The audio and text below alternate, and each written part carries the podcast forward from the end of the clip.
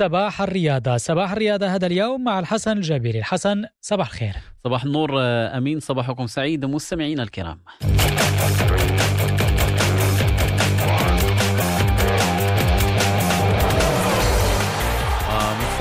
صباح الرياضة مستمعينا الكرام بكرة القدم المغربية ومنافسات الجولة السادسة والعشرين من البطولة الاحترافية المغربية حيث تتواصل اليوم هذه الجولة بإجراء لقاء واحد خلاله يحل الدفاع الحسني الجديد ضيفا على أولمبيك آسفي.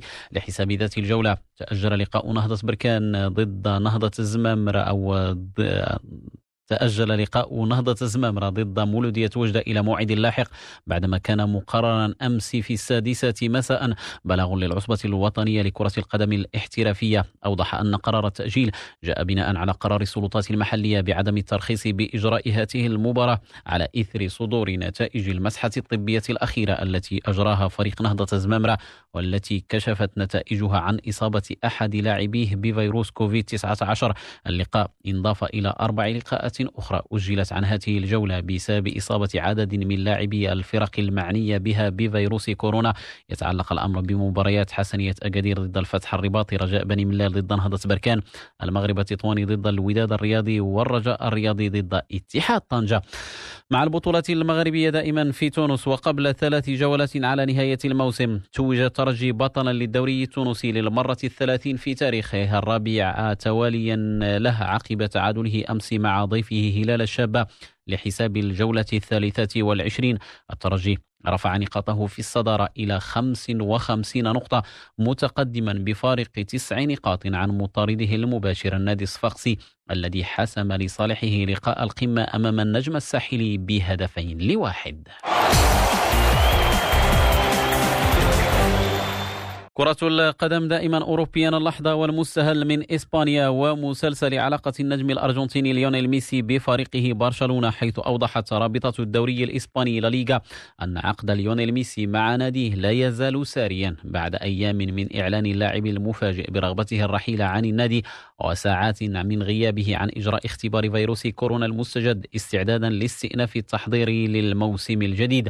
وأكدت الرابطة في بيان لها أن السبيل الوحيد لمغادرة ميسي لفريق البلاوغرانا هو دفع قيمة الشرط الجزائي المنصوص عليه في عقد اللاعب والبالغ 700 مليون يورو مشيرة إلى أنه وبحسب القوانين المعمول بها. فإن الرابطة لن توافق على أي طلب بالاستغناء عن أي لاعب مسجل في الاتحاد الإسباني إلا بدفع الشرط الجزائي المنصوص عليه في عقد اللاعب.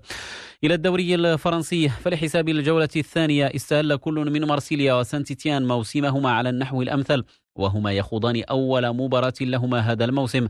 مارسيليا تغلب على مضيفه بريست بثلاثة أهداف لهدفين فيما انتصر سانتيتيان على لوريون بهدفين لصفر ولم يخض سانتيتيان ولا مارسيليا المباراة التي كان مفترضا أن تجمعهما في الجولة الافتتاحية للموسم. فتأجلت إلى منتصف شتنبر نتيجة الإعلان عن خمس حالات أو خمس حالات إصابة بفيروس كورونا في صفوف فريق مارسيليا. بعيدا عن كرة القدم في رياضة الجولف توج الإسباني يون رام بلقب بطولة BMW Championship ثاني بطولة الجولات الختامية لل FedEx Cup التي اختتمت على مسالك أولمبيا فيلدز بمدينة شيكاغو والمندرجة ضمن بطولة دوريات الجولة الأمريكية للمحترفين PGA.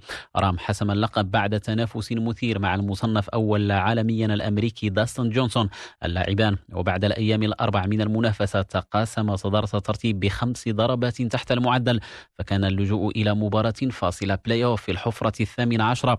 أظهر خلالها رام كل مهاراته وهو يحقق ضربة birdie من على مسافة أكثر من 20 مترا. أنهى بها اللقب لصالحه. لقب هو الخامس للاعب الإسباني في بطولات ال PGA الثانية له هذا الموسم والحادي عشر له في مسيرته. رام وداستون جونسون إضافة إلى 28 لاعبا آخرين الذين احتلوا المراكز الثلاثين الأولى في بطولة BMW. سيجددون التنافس بداية من الجمعة القادم في البطولة الختامية لل FedEx Cup The Tour Championship والتنافس على لقب الخمسة عشر مليون دولار الجائزة المالية للمتوج باللقب. في ملاعب كرة المضرب تنطلق اليوم بطولة فلاشينج ميداوز حيث سيكون الصربي نوفاك ديوكوفيتش والأمريكية المخضرمة سيرينا ويليامز الأوفر حظا للفوز بأول بطولة جرانشلام في زمن فيروس كورونا. نختم بسباق الدراجات وطواف فرنسا الدولي تور دو فرانس حيث أحرز الفرنسي جوليان ألا فيليب المركز الأول في الجولة الثانية التي أجريت أمس في نيس وامتدت على مسافة 186 كيلومتر. ألا فيليب انتزع بذلك القميص الأصفر من النرويجي ألكسندر كريستوف الفائز بالمرحلة الأولى. بذلك مستمعينا نضع نقطة نهاية صباح الرياضة. أشكركم على طيب الإصغاء والمتابعة.